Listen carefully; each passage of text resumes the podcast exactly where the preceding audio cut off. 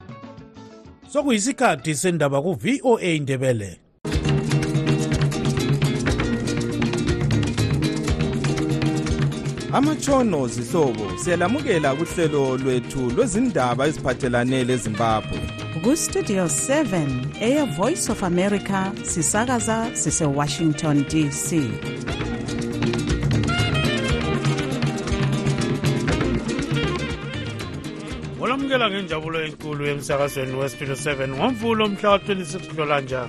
2024 ngogibbs dube endabeni zethu lamhlanje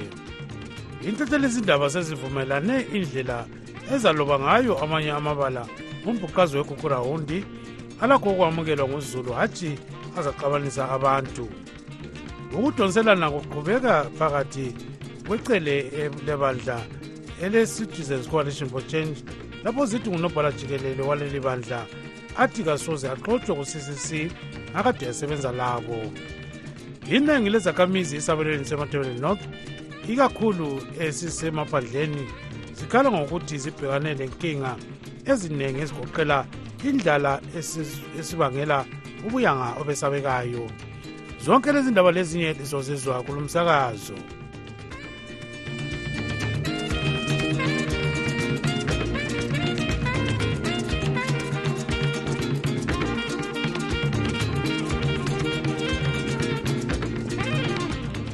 yintathela izindaba sezivumelane indlela ezizaloba ngayo amanye amabala ngombhuqazwe wegugrawundi alakho ukwamukelwa nguzulu hatshi azoxabanisa abantu kodwa sizalandela udaba lolu silethulela-ke ngesikhatshana esilandelayo sike sibone okunye esilakho namhlanje ukudonselana kuyaqhubeka phakathi kwamacele ebandla le-citizens coalition for change lapho zidingo nombabhala jikelele waleli bandla athi kasuze axotshwe ku-ccc ngakade esebenza labo abagoqela ilunga laleli bandla umnumzana albert mhlanga ngoba bengelalungelo lokwenza lokho njalo bengaqhubeka besebenzisa uphako lwaleli bandla baza kuba senkingeni ngoba eselubhalisile eselubhalisile kodwa umnumzana mhlanga utshele istudio 7 ukuthi abalandaba lophawu lolu njalo bazasebenzisa awabo amagqweda ukulwisana lenyathelo likamnumzana jabangu lanxa ethembe iziphathamandla zaleli bandla ezingabameli asebenza labo ezigoqela umnumzana washman ncube lazo ezingalukhutha ugatsha uhlaziye lolu daba usithandekile mhlanga westudio 7 uxoxa le ngcwedi ecubungela izombusazwe umnumzana nqondobanzi magonya osekela ibandla lezaphu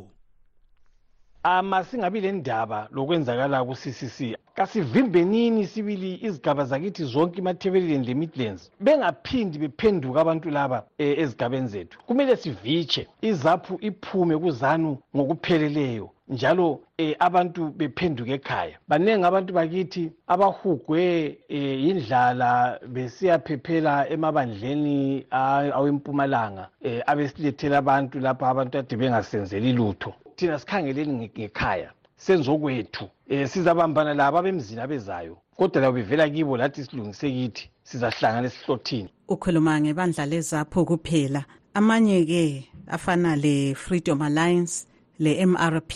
agxile emathebeleleni i-freedom alliance ukuze ibe khona bekubone kufanele ukuthi kube lephathi ezancintisa izaphu esigabeni lapha izaphu vele okwazakala ukuthi iqine khona kutheni kungani bengezanga ukuzahlangana labanye abantu baphenduke ekhaya bazosebenza ngaphansi kwezaphu ungayithola impendulo kulowo mbuzo then singaqhubekela phambili okwesibili i-mrp injongo yayo ayifani le njongo yezaphu i-mrp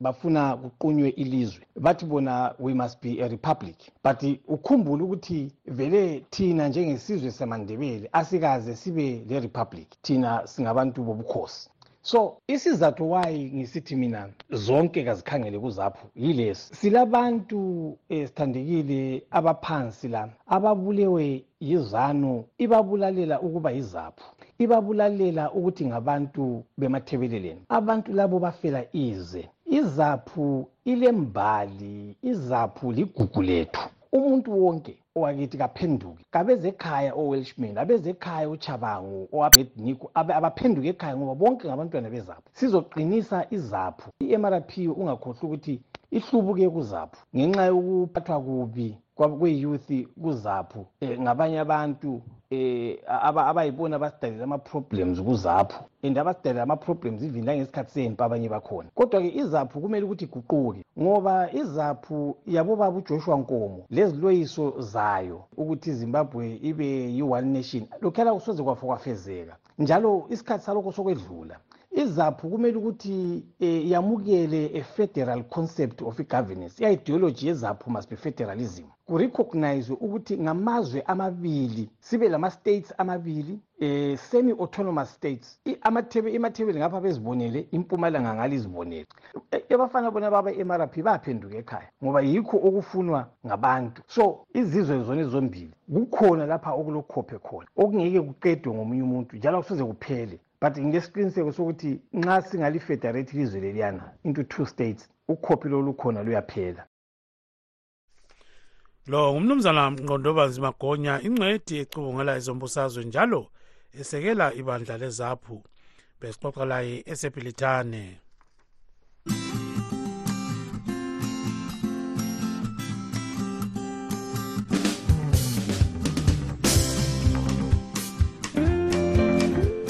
abenhlanganiso ibona ngosizo lokudla emazweni omhlaba e-food and agriculture organization yaze ukuthi abantu abangaba izigidi ezintathu lengxenye 3.5 million badinga usizo lokudla kwelezimbabwe lokhu kuza ngemva kokukhuphuka kwentengo yokudla kanye lokungani kuhle kwezulu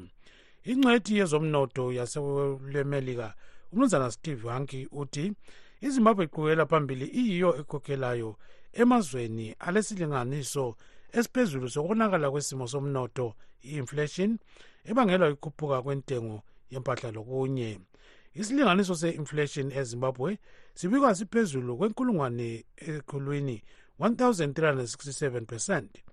izimbabwe ilandelwa i-argentina yona ekusilinganiso samakhulu phose amabili ekhulwini 197 percent ukuhlaziya lolu daba udaba kwancubo estudio 7 uxoxe le nduna umbiko masuku wematshetsheni egwanda north isimo sakhona asisihle sibi kakhulu kukhanyani lapho esiya khona akuthambanga lo nyaka kuzakuba nzima kakhulu ngoba nxa izulu lingananga kuzakwenzakala ukuthi abantu befuyo inyamazana zeganga konke kuzakuba lodubo lokokuqala lokuthola amanzi ukudla ukudla okwabantu ngiyakubona kungazanye imizamo lapha lalaphana kodwa udubo lwamanzi yilo luzakuba lukhulu kakhulu umuntu kangeke aphile nganathanga amanzi yikuyini elibona ngani kungenziwa ukuthi kuphathiswe abantu bezimbabwe ngalesi sikhathi sibhekane le ndlala enye siyeza kwakhulunyala ukuthi kulamalungiselelo uhulumende ukhona azakwenza sithemba ukuthi kuzakungaphumelela khona lokhu ngoba nxa sesisesisangeni esinjengalesi um abantu babe sebekhangele kuyo uhulumende ukuthi abaphathise uhulumende uphathisa ngendlela eziningi ngalokhu abe lakho yena esikhwameni sakhe kumbe ngokuvulela abanye ngaphandle abaloncedo ukuthi basondele eduze bazophathisa abantu sesikhangele ukuthi kwenziwe zona lezi zinto ezinjengale kuphathisa abantu bezifuyo zabo ukuphathisa abantu bodwa izifuyo ziphele kutshengisa ukuthi kuyabe kusitsho ukuthi abantu abazokuma ukukhangelela kohulumeni yindlela abantu abalima ngayo yikho lapho abanye sithola khona umqubo yikho lapho kutholakala khona imali yokufundisa abantwana so izifuyo lazo kuqakathekile kakhulu ukuthi zibonakala ukuthi ziyaphepha kulindla lesini um njengoba um kukhanya ngani amanzi awangenanga emadamu yikuyini okungenziwa ukuthi um kutholakale amanzi osokuqakathekile ukuthi benziwe ukuthi endaweni lapho kutholakala khona amanzi kuqiniswe kugejwa kwezibholane umgejo kwezibholane khonapho um ezinye ngenxa yokuthi sokome kakhulu bebe bezivele zikhona zitshoniswe i-water table layo kumele iyehla kamanxa kusomangalindlisi itshoniswe ukwenzela ukuthi kutholakala amanzi then udubo luzakuba lukhulu sezindaweni lapho kungatholakali khona amanzi phansi ngoba especially khona lapho egwanda kulezindawo lapho kungatholakali khona amanzi phansi yikho lapho hhayi ingobe nkulu lapho angathi sizakwenziwa le yinduna umbiko masuku obesecingweni lotabaka ncube westudio 7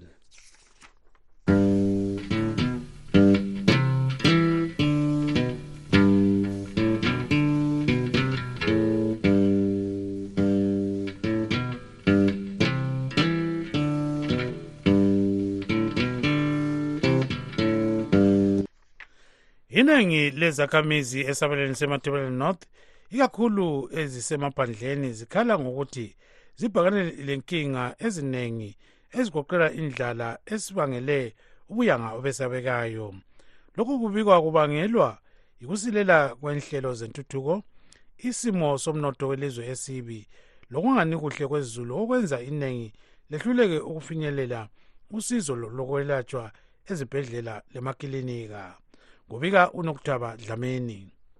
uphenyo olwaqhutshwa ngabenhlanganiso yezimbabwe vulnerability assessment committee lwaveza ukuba isilinganiso sokungamachumi phose amane 39 percent sezakhamizi esigabeni semathebhelelen north yiso sodwa esilamakilinika aseduze okwenza isilinganiso esikhulu singafinyeleli ukuthola usizo lokwelatshwa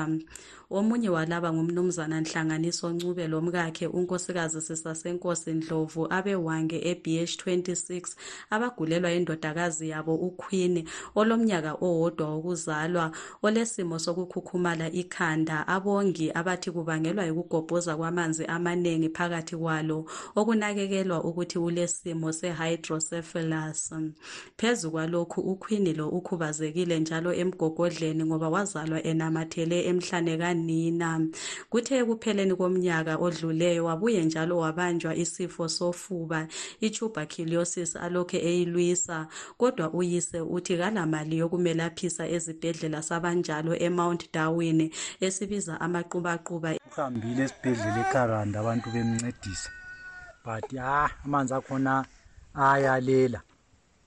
ayalela kumele buyele khonapha ecaranda futhi ngimbisele ku-review bezama ukuyamdraina futhi amanzi akhona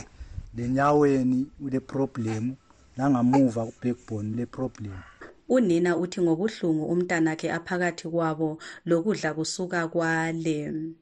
kubuhlungu lokho engubonayo lezilonda lezi angidli nxa ngikhangela umntwana ngezilonda lezi uyise uthi njengabazali basuka baswele ukuthi bengenza njani ukuthi bemephule kulobo buhlungu vele zona azifuni kubhanditshwa azifuni kwenziwani zifuna ukuhlala zinje so sizigezi azizamazama ukuzigezisa but azi ngani ziyawoma ziphinde ziyale ziphinde zihlale zinjalo zibuyele ziwome langapha ekhanda ngapha nanxa umbamba so amanzi la abe tshisa sibili mm. okay. khanye ukuthi uyeza ubuhlungu kwesinye isikhathi asilale ebusuku uyagomela elale egomela ubusuku bonke Ukhansila wemangweni wekaTshetshete uMnumzana Givemyagain Moyo uthi ngabe uhulumende uyaphuma lendlela zokuphathisa imuli ezinjengalezi. silabantu abagogekileyo abantu laba abagogekileyo abalutholi usizo engikukhangeleleyo mina kuhulumende ukuthi akhangelele izigoga ngezakhe akhangelele izicubi ngezakhe abantu abagulayo begula imikhuhlane etshiyetshiyeneyo ngabakhe Osebenza kwezempilakahle engu-Village Health Worker esiqintini senkayi uNkosikazi Rachel Mholi uthi inengi libulawa ngumango kanye lobufitshane bengalo ukuthi bezelaphise. Akulazimali abanye bahamba ngenyawo beyefika ezibhedlela umuntu ephathekile kumbe kwesikhathi ebopha inqola wahamba nxa ethi uyafika ngala uthola ukuthi akulamithi vele. awumongikazi labo ngabanye abashotayo ezibhedlela Ephendula kulezinhlupho, ongumholi wesabelo lesi uMnumzana Richard Moyo uthe zonke lezinhlupho kufuze ziyebikwa kugatsha olubona ngenhlalakahle kazulu olwe-social welfare. Nxa kulokunye njalo okuyabe kushota ababuye emahofisini ethu bezokutsho kumbe amahofisini abo-DDC kulama uh, kulama-social welfare officers indawo yonke bencediseke nxa kulama-individual abafila ukuthi basalele ngamuva um ukuthi uhulumende kabakhangelele baba uhulumende kwesikhathi uyabe engakwazi ukuthi bakhona umoyo uthi lokhu bengakwenza ngokuyabhalisa amabizo abo okugoqela lalabo abahlaselwe yindlala ethi uhulumende uyangenela ngokunika ukudla abuye njalo aphathise ngosizo lokwelatshwa kungelambadalo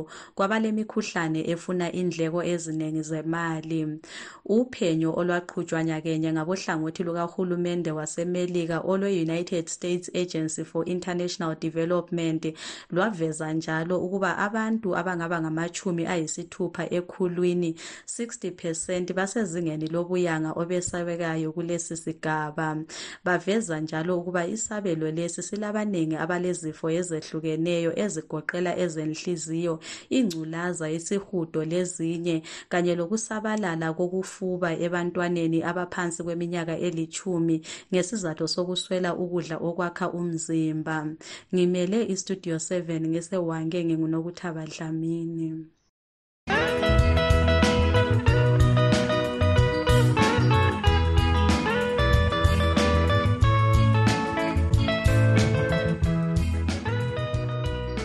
yintatheli zindaba sezivumelane indlela ezaloba ngayo amanye amabala ngombhuqazi wegugurawundi alakho ukwamukelwa nguzulu hatshi azaxabanisa abantu bazasebenzisa amabala la ngesikhathi besethula imibiko yokwenzakala ematebeleland phansi kohlelo oqhutshwa zinduna olokuhlolisisa umbhuqazwe wegugurawundi kubika u-anastasia ndlovu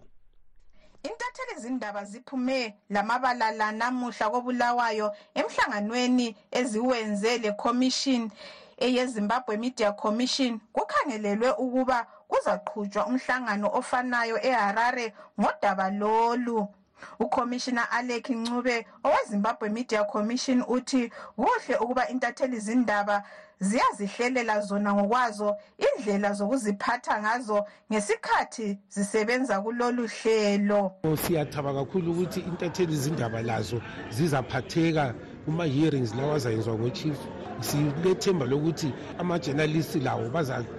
they will play their part in ensuring ukuthi hhayi abantu bonke baparticipate betsho okwayenzakalayo and kungela kwesaba umabhalane wezimbabwe media commission umnumzana godwin phiri ubike ukuba umhlangano olandelayo wokulolonga ugwalo lokusebenza kwentatheli zindaba uzakwenzelwa eharare ngemva kwawo besekuhlelwa-ke umhlangano wemfundiso ngombhuqazwe andubana ziphiwe imvumo yokuya emhlanganweni wombhuqazwe lezinduna emhlanganweni abantu bakhangele ingwalo kade zilungisiwe zona lezi ngwalo ezizo into ezibeka imigomo lembandela yokusebenza kwama-media practitioners kwavunyelwana ukuthi kwalungisiswa lezo ngwalo kwacina sokuvunyelweneke ukuthi sisiya phambili kuzasetshenziswa njani sisuka lapho somele siyeqedisa eharare sihlangane njalo ezinye intatheli ezindaba kwenze kungaqeda lapha sonke sibe ngabantu abavumeleneyo ukuthi sizasebenza njani siya phambili ongene umhlangano lo umnumzana mandla juma intatheli zindaba uyakuchasisa lokhu so kodwa into engathi ngiyijabulele kukhutshwa ayingazi umba zakhutshwa ama-consent forms ngoba bembonana abezadala uhlupho nxa kokuthi intathela izindaba zesiya phansi lapho kulabantu khona sokuthiwa abantu laba bazakhuluma kumele basayine i-community yethu ngeyabantu abayisaba kakhulu ukuthi the moment you bring a uniform ungagcina usudlalisa ama-resources usiyetsholotsho kumbe ebhalagwe ubuye ungela story kodwa mbona uhlelo lolu lu-right kodwa okunye kusuke kungani kuyangithinta kungani kufuna ukuba lokungenela lokukhontrola okuthile ukuthi amanye amabala angasetshenziswa amanye amabala asetshenziswa sekungani imidia izabe isicontrolled unkosazana rumbidzayi mhlanga intatheli izindaba uthi kuqakathekile ukubikela uzulu ngombhuqazwe lo ngendlela ehloniphekayo abona ah, ngathi uhlelo lokubhala nge-group round lihlelo li-right kakhulu ukuthi sinike abantu i-chance ukuthi bazikhulumele ama-experience zabo um amavoice zabo lazwakale kulokuthi abantu belokhu bekhuluma becabangile enye njalo intatheli izindaba engene umhlangano osebenzela egwanda umnumzana mvelo zondo uthi ukulotshwa kuhle kombhuqazi wegugurawundi kungengeza amathuba okupholisa amanxeba nambona ngathi uhlelo lokubhala amagrawundi luzaba leclosure ebantwini abantu bazakhululeka ukuthi bekhulume ngezinto ezenzakalayo ngesikhathi eh, sombhuqazwe njalo kuzabanika ukuthi bezizwe ingani eh, uhulumende uyabanakekela ngalokho okwenzakalayo ikomidi yentatheli izindaba isebenza lomabhalane wogatsha olubona ngokwethulwa kwemibiko umnumzana nick mangwana lezimbabwe media commission iphume lengwalo ezintathu ezizabakhokhelela ekulobeni udaba lombhuqwazwe ezibalisa abathi yi-the gugurawundi outreach reporting guide igugurawundi code of conduct pledge 2024 legugurawundi outreach media coverage consent form intatheli zindaba ebezisemhlanganweni lo namhlanje zivumelene ukuba ziqondile leziqondiso ezihlelwe yikhomidi ebunjwa ngamalunga agoqela uzinzelendebele unduduzo chuma lomonica churu umbhuqazi wegugurawundi wabulalisa abantu abedlula inkulungwane ezingamashumi amabili 20000 enkabazwe lemathebeleland phakathi komnyaka ka-1983 lo-1987 uhulumende esebenzisa iviyo lebutho ele-fifth brigade ngimele umsakazo westudio 7 ikobulawayo ngingu-anastasia ndlovu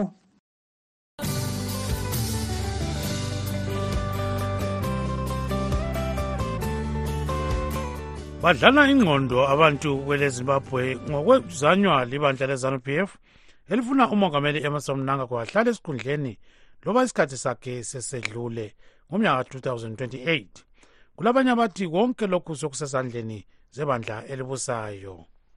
Banengi abantu abakhuluma ngodaba lolu abagoqela labo abafuna umongameli Emerson Mnangagwa aphume esikhundleni kungedlula iminyaka elawulwa yisisekelo sombuso welizwe. Usesikhundleni sikamongameli okwamanje akumelanga avotelwe isikhathi sakhe singedlula loba kungaguqulwa iziqondiso zesisekelo sombuso welizwe. Kuyabahlupha abantu abanengi lokhu kweleZimbabwe. Omunye wabakhathazekileyo ngumnumzana Mqondisi Moyo, umkhokheli webandla lemthokazi Republic Party. Ngiyabonga babudube abantu bakithi kumele babekwazi ukuthi uEmmerson Mnangagwa kahlukananga loRobert Mugabe owabusa iZimbabwe for 37 years ngezinye indlela wayevele esezideclare ukuba ngu life president of uh, iZimbabwe and ZANU PF ngokufananayo abantu bezimbabwe abananzeleli kumbe kabananzelelanga ukuthi ukutshaya kwa-emerson mnangagwa ikhu wayengenzeli eh ukuthi wenzela amazimbabweni okwakucatshangela ukuthi adubeka ngaphansi kwarobert mugabe kodwa wayezenzela yena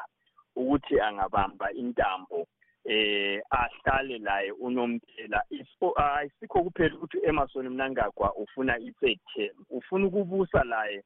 kuze kube yilokhuyana usimon mzenda owayehlale sithi umgabe uzabusa amadonki aze amile impondo layo emasolo mnankagwa ngicabanga ukuthi akulwisayo kathesi ukuthi abuse amadonki aze amile impondo ngoba izanu p f kayikaze yahlonipha ikhonto okuthiwa yi-constitution kababusi belandela i-constitution yelizwe abantu abaningi abaphikisa umbuso kamnangagwa balombono ofanayo kodwa ophethe isikhundla sobona ngokwethulwa kwemibiko kubandla le-zanup f umnumzana barai marapiri ukuthi kabakakhulumisani ngodaba lolu loba lusekelwa ngumsekeli kamongameli umnumzana kembo mahade labanye it is expected that uh, zanupf as a party is one of the most democratic institutions in which people will uh, have any discussion of their choice but people having a discussion is uh, neither here nor there uh, when uh, things are set in motion uh, certain concrete uh, measures are taken and in the absence of that we cannot comment on having a conversation uh, amongst themselves ingcwethi kwezemithetho umnumzana nqobani sithole okuhlanganiso yebameli bamalungelo kazulu uthi ibandla leli lilakho ukubisela umnangagwa esikhundleni loba lisazi mhlophe ukuba liyabe selisesiphula isisekelo sombuso welizwe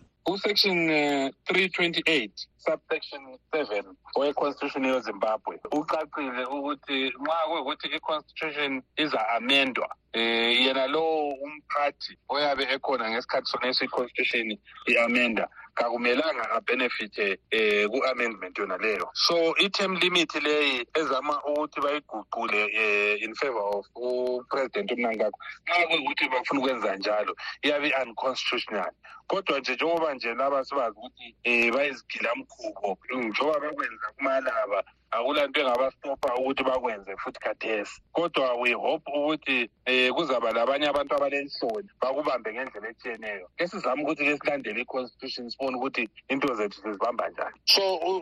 usection uh, 328 uh, subsection 7 uyacaca kakumelanga abenefite ku-amendment ye-constitution nxa kuyikuthi bazama ukuthi bangezelele i-term limit um uh, ekapresident njengoba ngitshilo ukuthi kusho ukuthi kuyabe kumele ba-amende futhi yona le i-provision ne-constitution kodwa nxa usuamendela leyi-provision ye-constitution iyabe sile-effect yona leyo yokuthi yena lowo ofuna ukubhenefitha on it should not be part of i-ofisi yona leyo ezama ukuthi abhenefithe kiyo so kuyabe kungekho constitutional whatever that they may try to do is not constitutional umnankakhe wangena esikhundleni sikamongameli ngomnyaka ka-2017 kulandela ukugenqula owayengumongameli urobert mugabe ebambisana lebutho wakhethwa kwabili nguzulu kukhetho olwenziwa ngeminyaka eyalandelayo kodwa abaphikisayo besithi waqilibezela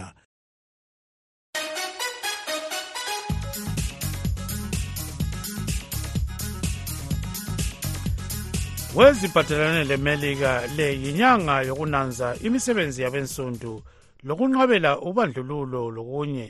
okubizwa ngokuthi yi-black history month kambe sitshoni isikhathi lesi ukuze sihlaziye lolu daba sixoxele lo mnumzana den moyo odabuka kwelezimbabwe ohlala emelika black history month eh kimi iqakathekile kakhulu ngoba irecognize um abantu abamnyama eh, kuleli ele-amerika eh siyazi ukubana eh abantu abamnyama abaningi lana babuya ngeslavery and eh, abantu abamnyama babengavunyelwa eh, ukuvota kwakule segregation eh, siyazi ukubana abantu abamnyama babengavunyelwa kwezinye indawo ezazivunyelwa abelungu kuphela eh, of which eh, kwagcina um kusiba lo mthetho ku-constitution um oqeda ubandlululo le-slavery lokuthi abantu abamnyama bathole le mvumo yokuthi bavote kuye kodwa ijoni siyawazi ukuthi udabuka ezimbabwe kimi kutshengisa ukuthi i-amerika njengelizwe isi-advansile ekubeni iqede ubandlululo phakathi kwabantu abamnyama eh labe labelungu eh, mangikhangela mangikhangelisisa eh isituation leyi ngiyicompare lezimbabwe siyazi ukuthi ezimbabwe kwaliwa impi yenkululeko um impi leyo iyagcina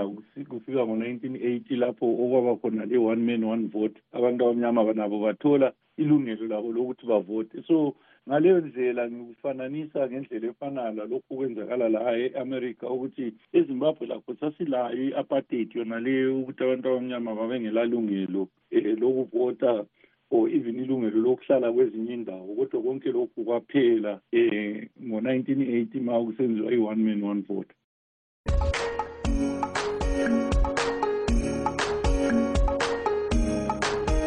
lo bekungumnumzana denmoyo odabuka kwele zimbabwe ohlala kwelemelika komanje sike sizwe abalaleli bestudio 7 benokhulumayo ngumthokozisi ndlovu enkayi egolitshena kungungunyane village ye siyabonga kusikhiphela indaba eziseqinisweni wamalanga onke esikucela kakhulu yikuthi ngabe lathi liyasifinyelela njengoba sezisafinyelela ukuthola ingcingo zenu kuningi esiyabe sifuna lathi ukushiya labantu lomphakathi sisenkayi lapha egolitsheni izinto kazihambi kuhle siyabonga umsebenzi oluwenza ingane lingaqhubekela phambili liwenza siyabonga kakhulu ikakhulu sezibuhlungu abantu abadilizelwa izindlu kanti uyabe ungumkhokheli onjani phezu kwethi 26 years umuntu eyakhile khona nje noma umnyaka umuntu eyakhile kambe ngawumdilizela indlu esiyakhile kulabantwana ukuthi ayengaphi le ndlala engaka lezulu lonyaka kula umumbu kasiwazi ngiyabonga mbulisa bonke abangaziyo Sipho Seven siyabonga siyabingelela. Umgalo lo wayengumbulali wayengumbulali ongcono kakhulu. Kulalo ozakufosa ukuthi umvotele ngekani. Ungasavotanga rigi. Eqeda ukuriga abuya thumela abantu bazolithisela imizi balixotshe emapulazini ajikela lapha athi umhlabathi ngowakhe um bazamkhumbula umgaba ongapheliyo kuyahlola Siyabonga uMasenga lapho kobulawayo phumule emadokeni. Studio 7, Studio 7 linjani labalaleli siyabonga umsakazo. Hayi mina ngifuna ukuyentshela abantu laba abantu laba ababhizi bekhuluma kosengezo chabane. Labo mina ngigagwa labo chamisa abake bazama ukukhuluma ngezinye izinto ezilengqondo. Abadinwa ngokukhuluma abantu abazidlela besithutha lokho ukuvota sokudlulile. Silinde i-five years manje. basiyekele lalokho badala zamani ukukelekela ukuba lokho libumanelwa ngabantu labo ngama-whatsapp abo lawa kulalutho lukhona lapho isani yalibusa lalo ye siyabonga kakhulu-ke labo ngabalaleli bestudio 7 olivalisa ngenjabulo ngumthembo osithemba ugibs dube lilale